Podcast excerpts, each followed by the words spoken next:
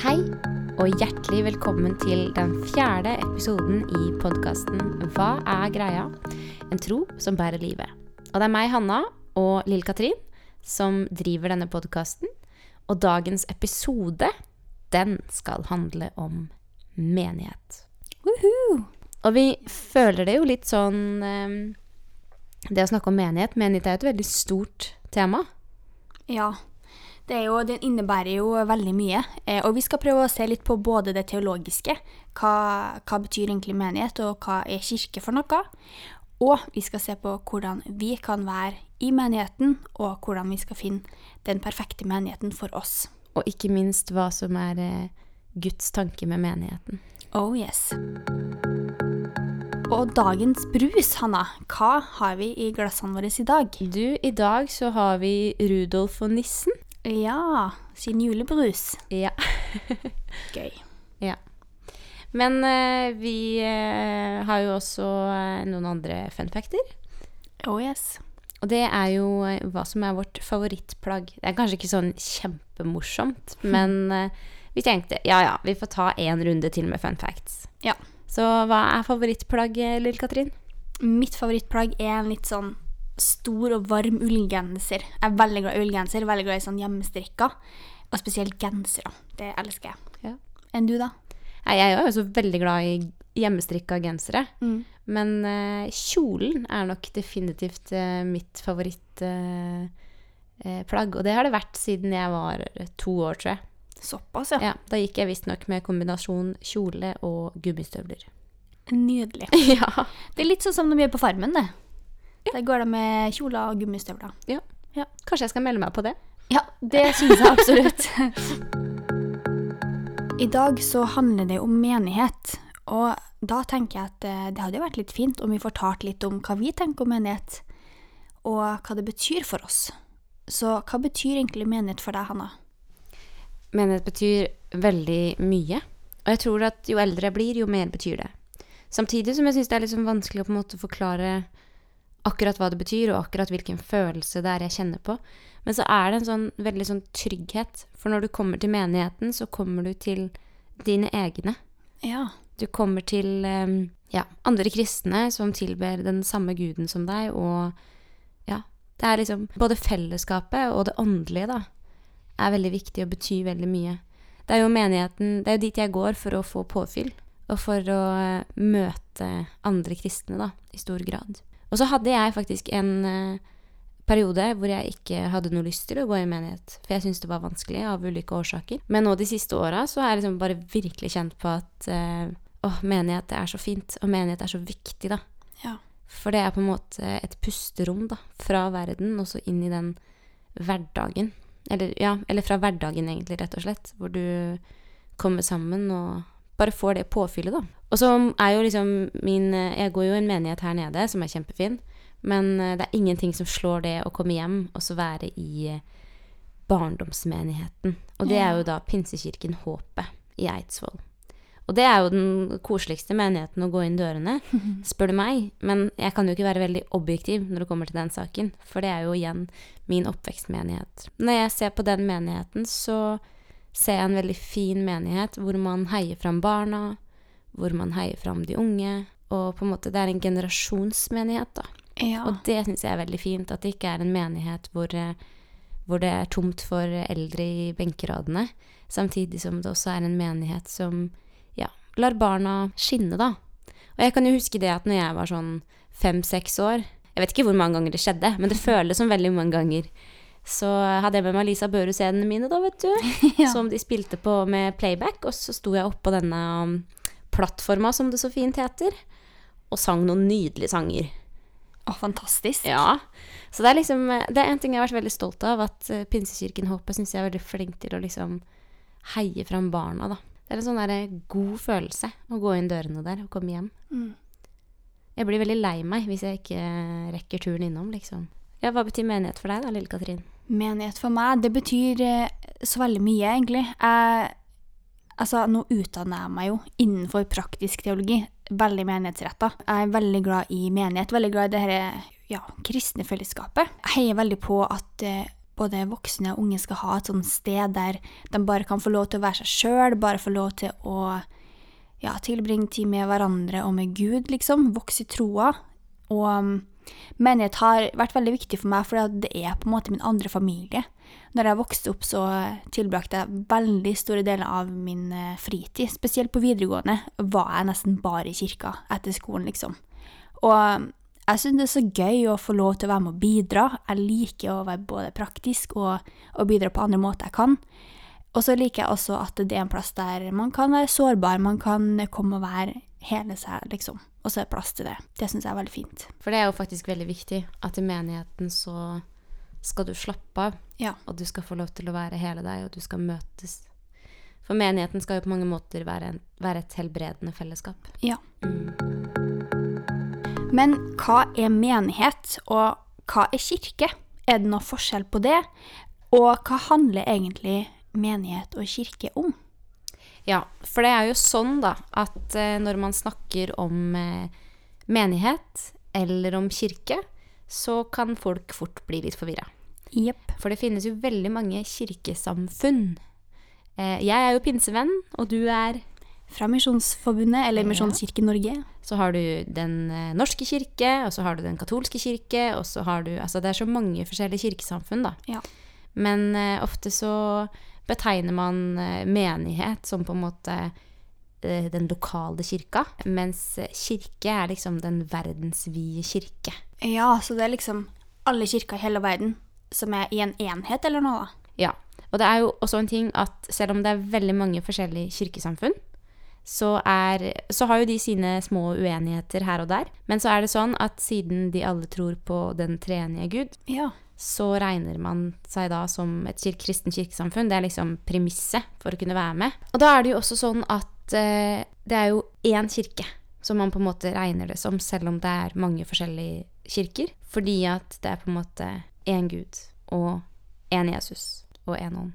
Så alle som har det til felles, er i en slags enhet, eller hører sammen da, på et eller annet vis.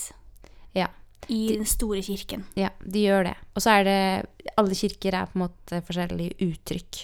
For man legger Ja. på en måte Man er uenig om forskjellige småting, men man er på en måte enig om det som er eh, det viktigste, da. Det essensielle ved troen. Ja.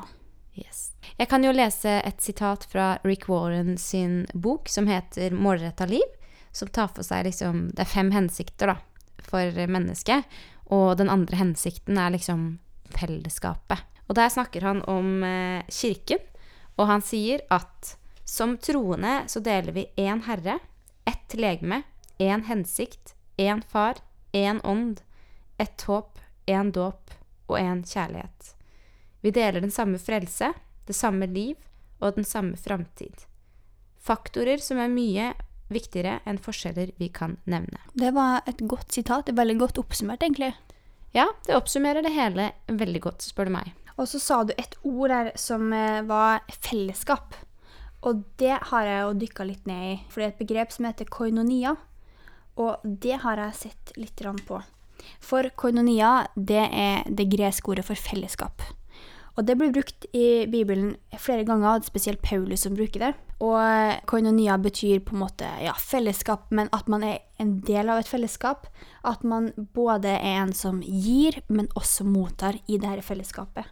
Og så kan det bli brukt eh, i ikke-kirkelige sammenhenger, da, i sekulære sammenhenger, og da er det snakk om typisk businesspartnere eller eh, andre typer former for fellesskap, som f.eks. hvis man deler noen goder eller ting. Og så nevnes også ekteskapet som en, eh, den nærmeste formen for fellesskapet, da, eller koinonia. I bibelsk sammenheng så handler det om et uh, ubrutt forhold mellom Gud og mennesker, og er sett på som et hellig fellesskap, eller et, et hellig forhold da, med Gud. Og i, i nytestamentlig sammenheng så betyr det å dele noe med noen. Og Paulus han bruker det begrepet aller mest. Det syns jeg er litt kult. Grunnen til at Paulus bruker det her så mye, det er jo fordi at han sender masse brev til menigheter og snakker om hvilket fellesskap de skal ha seg imellom, og også være en del av den herre store, allmenne kirka, da. Ja, og det er jo en viktig ting med denne store allmenne kirken at uh, det skal være en enhet. Fordi at det er jo liksom den ene guden, den ene troen, som man følger. Og da er det også sånn at eh, enhet, det betyr jo ikke at ting skal være liksom Man skal ikke være enig om alt, eller gjøre alt likt, da. Og det er jo det som også gjør at man i senere tid har blitt mer økumeniske. Altså det vil si at man eh, Før i tiden så var det veldig vanskelig for de ulike kirkesamfunnene å kunne samarbeide. Fordi at et kirkesamfunn oppsto jo som at det var en splittelse, ikke sant. At det var et eller annet som oppsto som man ønsket å legge mer vekt på. Ja. Som det eksisterende kir- kirkesamfunnet ikke la vekt på. Eller fordi man var uenig i noe av læra. Men nå har man på en måte bestemt at så lenge essensen, da, og liksom Jesus og troen på Jesus er der, så kan man leve med ganske mye og ha litt små uenigheter her og der. Og dermed så er det liksom det her det skal være enhet, men det betyr ikke at det liksom må være en enfoldighet, eller at liksom alt skal være likt, da. Nei. Og at man skal forstå absolutt alle aspekt ved troen på samme måte. Mm. Og det tenker jeg er jo et veldig viktig poeng når det kommer til det med kirkesamfunn. Det at vi har ulike kirkesamfunn, det er jo egentlig bare fint, fordi bare meg og deg, Hanna, vi har jo forskjellige meninger om ganske mye. Men det at vi kan velge en kirke da, som passer til våre tanker eller vår eh, oppfatning av hvordan Gud er, da, hvordan Gud har ment det til å være, det tenker jeg det er bare en rikdom, det. Ja. Og vi har jo begge to gått på Ansgar bibelskole og Oh, hatt yes. eh, samme lærer på disippellinja der. Ja. Og han sier noe veldig fint om det her med kirkesamfunn. For han sier det at eh, you need all kind of churches to reach all kind of people. Altså at du Oh, yes. trenger alle kirker for å kunne nå ut til alle folk. Og det er jo en av de viktigste oppgavene til kirka.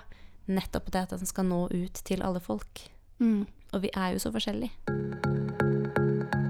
Det finnes jo ulike måter å beskrive kirka på. Og i Bibelen så står det f.eks. at eh, menighetens medlemmer, altså de er eh, et hellig presteskap. Og eh, vi skal være et helbredende fellesskap, det var vi litt innpå i stad. Mm. Eh, frelsende fellesskap. Menighetens største oppgave er jo at den skal være med på å virke inn på frelsen. Mennesker som ikke har møtt Jesus, skal jo komme til menigheten for å møte Jesus, ikke sant? Mm.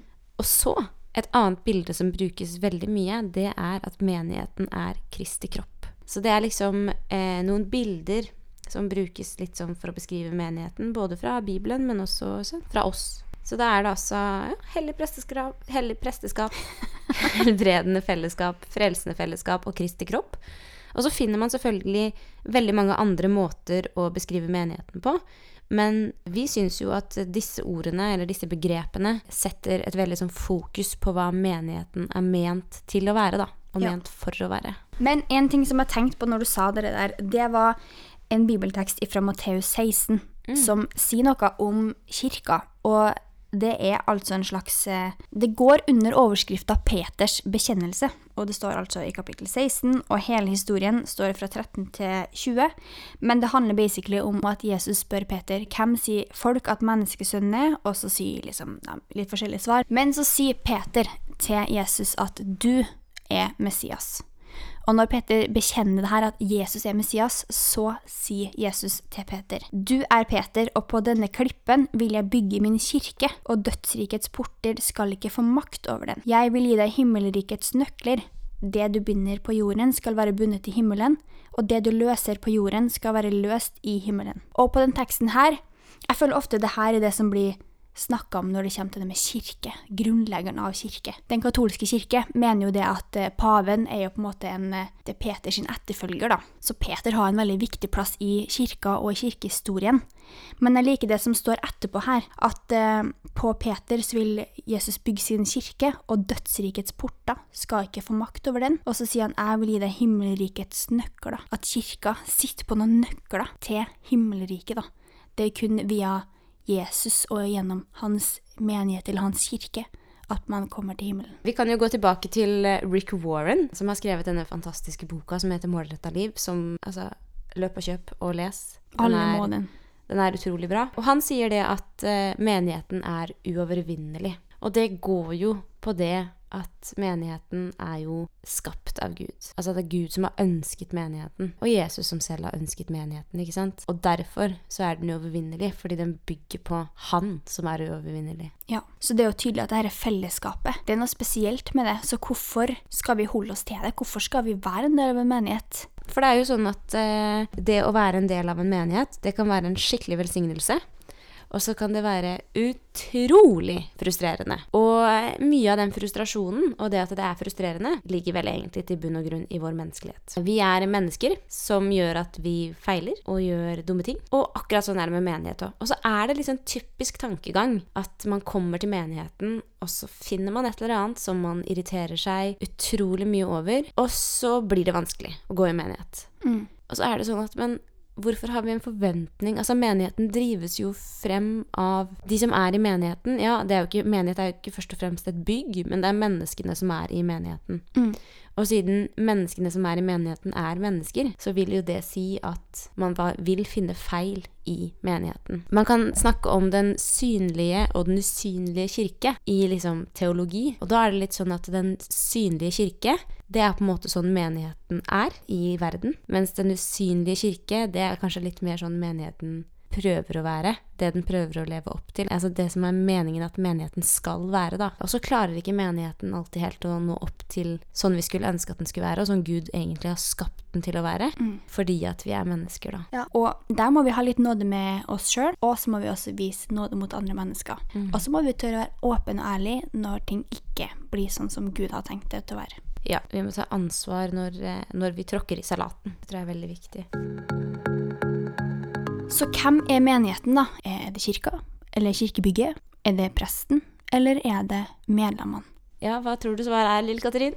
Jeg tror det er en helhet, da. Eller jeg Ja. tror det, først og fremst at det handler om menneskene. At det er et fellesskap, Mm. og at uh, det er den relasjonen som vi som har en tro, har oss imellom, som er selve menigheten. Mm.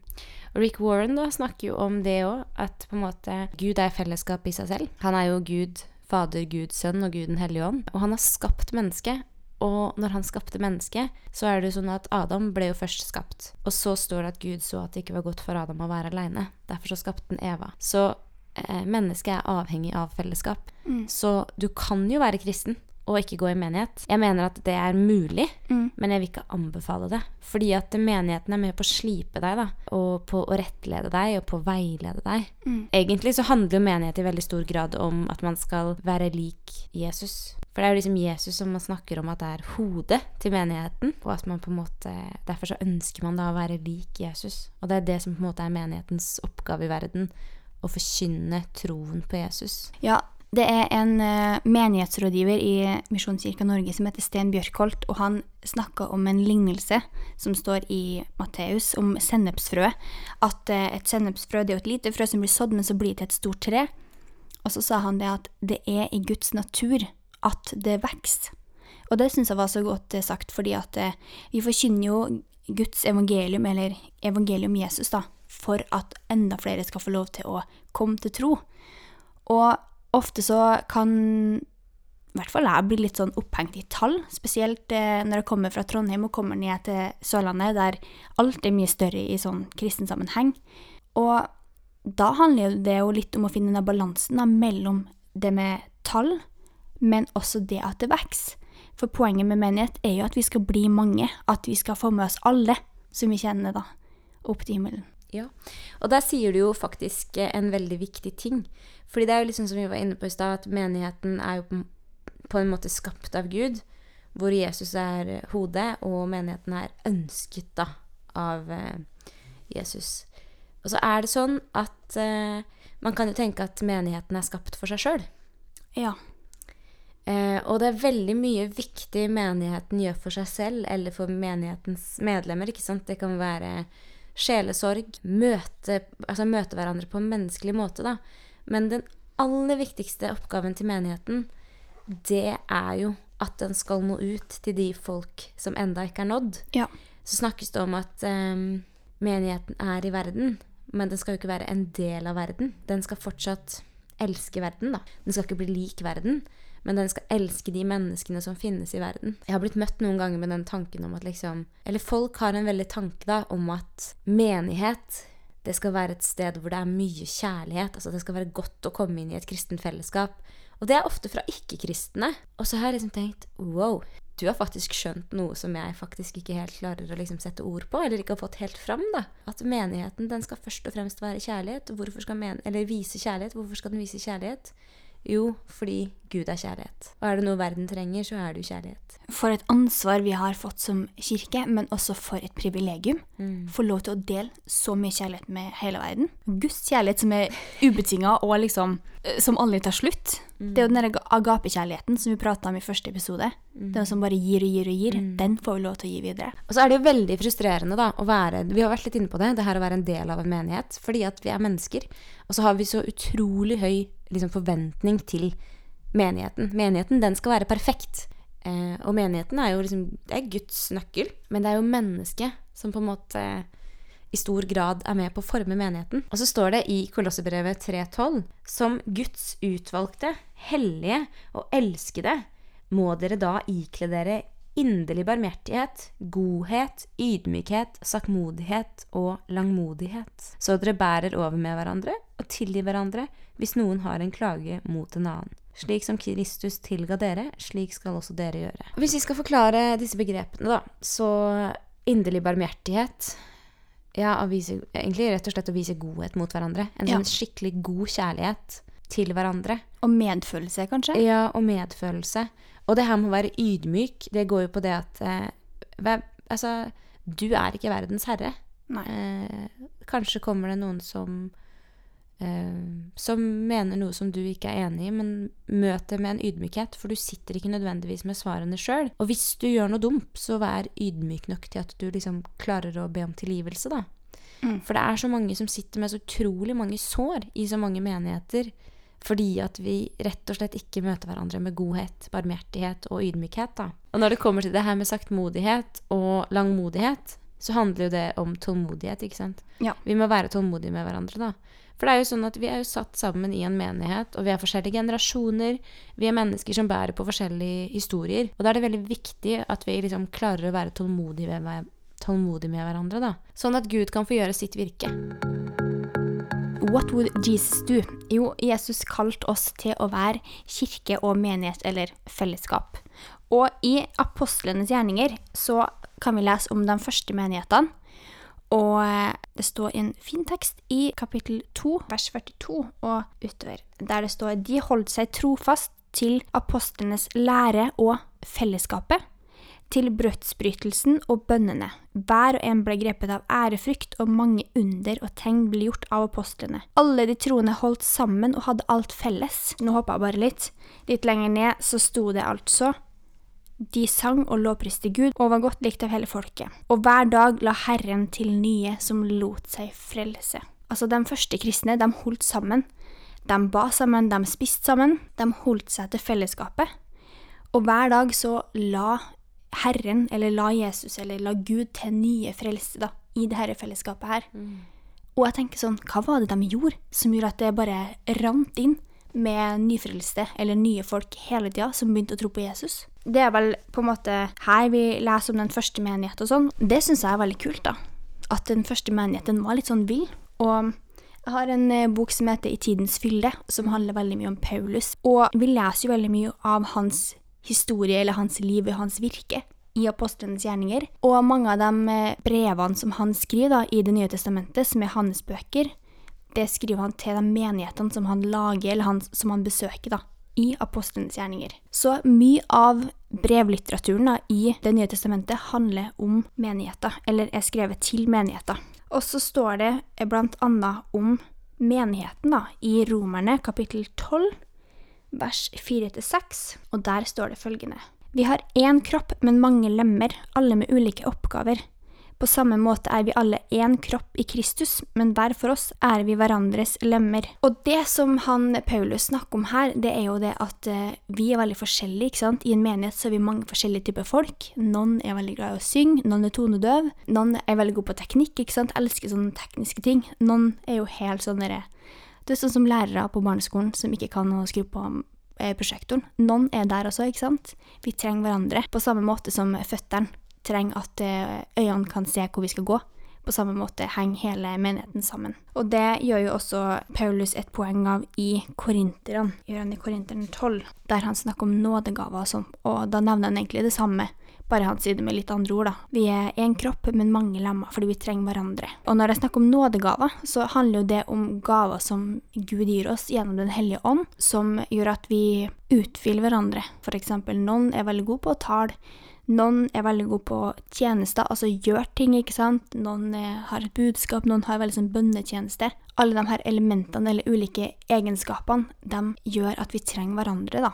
Og menigheten er en sånn et sånt sted der vi trenger hverandre. Ja, og Rick Warren også snakker om det at det betyr ikke likhet, fordi vi har forskjellige oppgaver. Og han går jo så langt som å si at hvis én velger å på en måte trekke seg fra menigheten og ta bort sitt lem, så vil jo hele kroppen lide, ikke sant? Ja. Det kan jo være fordi man ikke er synlig, eller fordi at man ikke det, det, er ikke Altså, noen oppgaver Det kan vi jo si, at noen oppgaver i en menighet òg settes, altså, settes, jo høyere opp på lista mm. enn andre. Mm. Fordi vi på en måte har rangert det sjøl. Gud har ikke rangert det, Nei. men som mennesker har vi rangert det.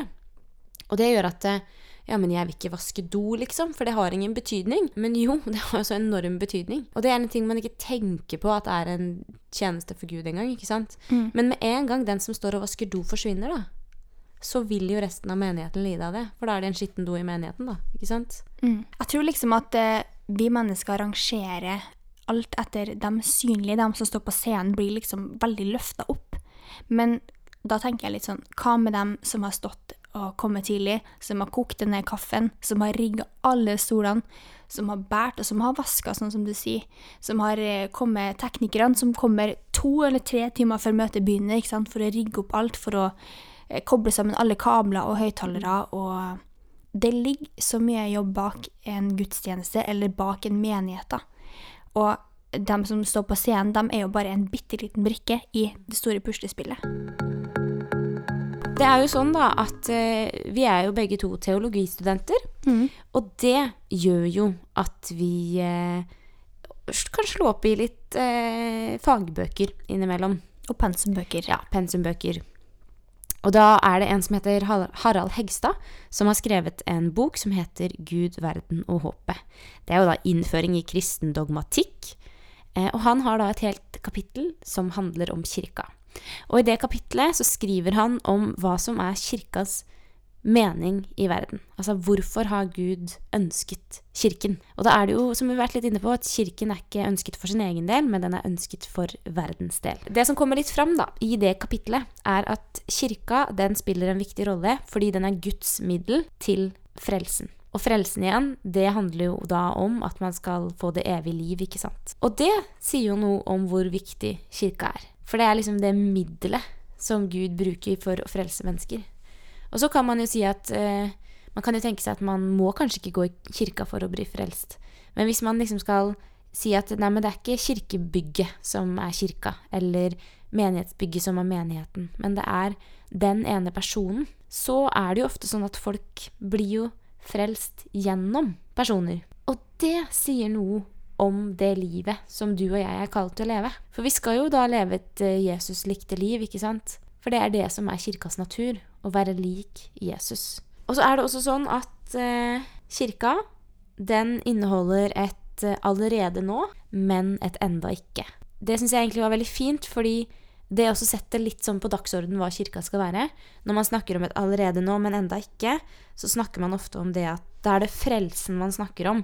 At jo, når du har tatt imot Jesus, da er du frelst, men du er samtidig ikke Du lever fortsatt i den verden her. Så du vil fortsatt forholde deg til den verden her fram til da Jesus kommer tilbake, ikke sant? Og da er det på en måte sant, allerede nå, men enda ikke. Og litt sånn er det med kirka òg, at den skal vise til paradis, da og til det gode liv som Gud har i vente for oss. Og da er det sånn Gjør kirka det? Og det tror jeg den gjør i veldig stor grad. Men det er litt sånn Det er liksom kirkas Den skal vise til det gode liv, da. Den skal vise til eh, det som er i vente. Den skal mm. være en motvekt i verden, rett og slett. Og det som er så viktig, da, det er jo at dem som er kristen, at vi som kristne, tar del i dette fellesskapet her, da. Tar del og tar, finner vår plass i fellesskapet. Jeg syns det er så fint en som heter Jonny Omdal, han har skrevet det i, i, boka si, 'Det er lov å være lur', at det er gjennom å tjene andre at du kjenner på den virkelige lykken. Når du får lov til å være en del av dette fellesskapet som virkelig peker på Jesus, da, som viser at det er allerede nå, men ennå ikke, og også får lov til å være med og frelse andre, kanskje, da, gi Jesus videre til noen andre, det er da du liksom virkelig kjenner på en lykke, da. Ja. En sånn siste sånn, litt sånn viktig ting å si er jo at kirken er hellig. Ja.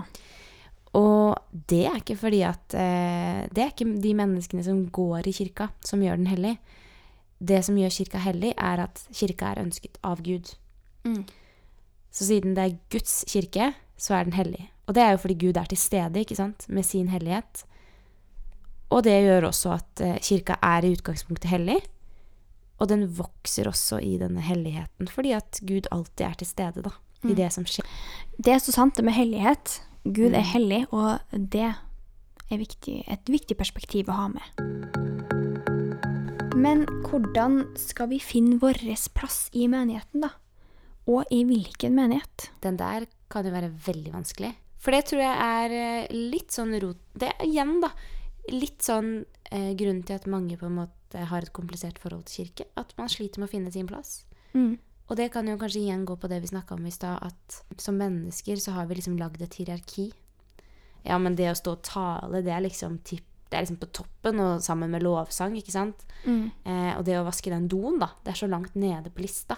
Og så tenker jeg, det finnes jo så mange forskjellige kirkesamfunn, og vi var jo litt inne på det i stad. Du må velge den kirka som funker for deg. Velg den eh, kirka hvor du føler at eh, teologien stemmer best, ikke sant? Der du er mest enig. Og også der hvor du føler det godt å komme inn. Der hvor du føler det som en sånn familie, trygghet, hvor du føler deg ønsket, da. Ja. Det er godt å komme hjem, liksom. Ja. Du, eller du føler deg hjemme i menigheten. Og så tror jeg det er veldig viktig at man også bidrar i menigheten, da. Ja, jeg er veldig enig i det. Jeg tror at vi som kristne i det her fellesskapet skal få lov til å få påfyll og ta imot. Men som det koinonia-begrepet betyr, så handler det om å både ta imot, men også gi. Og ofte når jeg gir, så føler jeg meg så mye bedre, eller så mye mer fylt, liksom. Jeg føler at jeg får veldig mye når jeg gir. Ja. Og så tror jeg det er veldig viktig å finne sine oppgaver. Og da må Ja. du prøve deg litt fram. Og så er det faktisk Det er greit å si Det er helt lov å si ja. Og så litt sånn Pippi-innstilling. Dette har jeg ikke prøvd før, så dette får jeg sikkert til. Og så vil du jo mest sannsynlig bli fulgt opp ikke sant, av noen som hjelper deg. Men det er også veldig innafor å si nei. Hvis det er noe du føler du absolutt ikke vil. Sånn som eh, jeg kan ikke, ikke tenke meg å stå i døra og ønske folk velkommen. For det, ikke, det føles ikke naturlig for meg. Og da har jeg bare tenkt at da er det helt greit at jeg sier nei til den. Mm. Så det er noe med det å prøve deg litt fram, og finn de oppgavene som funker for deg. Og så tror jeg også det der med tålmodighet er viktig, da. At på en måte noen ganger så kan det hende man må hjelpe til noen steder man kanskje ikke ønsker så veldig å hjelpe til. Mens andre ganger så kan det hende man på en måte kan gli rett inn da, på de tingene man har veldig lyst til. Det er så, så sant. Vis litt tålmodighet. Og jeg tror at man kan også vokse inn i oppgaver på sikt. Men så handler det om det der med nådegavene, ikke sant. Vi har ulike gaver, og det, det er ment å være sånn. Hvis, hvis du ikke venter å stå i døra, han, så det er helt greit, for du, du kan andre ting som du kan bidra med i menigheten. Men den eneste måten du kunne finne ut av det på, det er jo med å prøve, Mm. ikke sant? Og så igjen, da, repetere det at du er viktig for menigheten. Ja. Og Rick Warren sier også det at eh, det er på en måte forskjell på det å gå i menighet og det å på en måte være medlem. Og når man snakker om å være medlem, så snakker man ikke nødvendig om på en måte det, nødvendigvis om det her medlemskortet, det der at du faktisk er medlem i menigheten. Mm. Men det er en forskjell på det å gå i menigheten og bare forvente at man kan komme og få ting hele tiden. Og det å bidra inn i menigheten, da. Ja, når man, eh, når man er medlem, så er man medlem. Du har en viktig funksjon. Mm. En viktig ting når det kommer til vekst, Hanna, både i menigheten og i oss sjøl, det handler jo om det å, å tørre å invitere med seg folk Mm. til menigheten. Ja, og det kan jo faktisk være litt vanskelig. Fordi at man vet jo ikke hva, hva folk forventer, eller hva folk møter, ikke sant. Og det er litt sånn eh, jeg husker, Men jeg husker veldig godt at det var en gang det var en Jeg lurer på om det var en taler som var på besøk. Så husker jeg bare han sa at pastoren i menigheten da, har et veldig ansvar. Hvis pastoren forventer vekst, men selv ikke tar med seg noen på møtet, så setter jo ikke pastoren et eksempel for menigheten å følge etter, da. Og det husker jeg veldig godt, at det der er at oi, ja, vi må faktisk ta med oss folk til menigheten, ja. Vi kan ikke bare forvente at de liksom går inn døra. Nei, det er så sant. Ofte så tenker jeg i hvert fall at de gjør det. Men eh, vi må sjøl ta ansvaret og invitere med oss folk. Og så må vi ha tro på at Gud jobber i, i riktig tempo, i riktig tid, i de personene som vi tar med oss. For det er faktisk Gud sitt ansvar. Takk Ja. og lov, og ikke vårt. Ja, og jeg tenker vi skal ikke være sånn kjemperedde for å ta med oss folk heller. Nei. Fordi at, eh, som du sier, det er Gud som jobber, og vi må gi Gud rom til å jobbe. Det er hans menighet. Og det er han som vet best hvordan han treffer folk. Amen. Amen. Det ligger i kirkas natur å vokse, som Sten Bjørkholt sa. Og vi har nå snakka litt om at eh, vi må invitere med oss folk for at den skal vokse. Og vi har snakka om hva kirka egentlig handler om. Kirka handler om at det er et fellesskap med troende, og at kirka er ja, en slags enhet da, med alle kristne og alle typer menighet, og at vi trenger hverandre i dette fellesskapet her. Og ikke minst at eh, kirka er et middel som Gud bruker for å få folk til eh, Ja, for å frelse folk, da, og for at de skal få leve det evige livet sammen med Han. Og hvis du vil lese enda mer om menighet og målretta liv og målretta menighet, og hvordan i all verden skal jeg finne min plass her i verden eller i menigheten, så vil vi anbefale å lese Rick Warren, 'Målretta liv', som vi har nevnt mange ganger i denne episoden her. Det er en steinbra bok som bare er sånn on point, liksom. Mm, absolutt. En menighet eller kirke, det handler heller ikke om at alt skal være ja, At man skal være enig om alt, men det handler om enhet. Og den enheten ligger i troen på Jesus og troen på Gud. Og at man ønsker å leve et liv som gjenspeiler Jesus, da. Da ønsker vi å takke for at du har fulgt oss i dagens episode. Og nå nærmer det seg jul, Woohoo! så vi skal spille inn juleepisode, og den skal da handle om Messias. Ja, og det er den siste episoden som kommer før jul. Men ikke fortvil, vi kommer tilbake over nyttår, og episoden om Messias kommer til å bli veldig, veldig bra. Og jeg gleder meg masse. Jeg òg. Vi må jo avslutte på vårt vanlige vis, og det er jo da gjennom å lyse den aronittiske velsignelse. Herren velsigne deg og bevare deg. Herren la sitt ansikt lyse over deg og være deg nådig. Herren løfte sitt åsyn på deg og gi deg fred. Amen. Takk for at dere var med oss i dag og har hørt litt om våre tanker om menighet. Og så håper vi at dere får en riktig fin dag videre. Ha det bra! Ha det!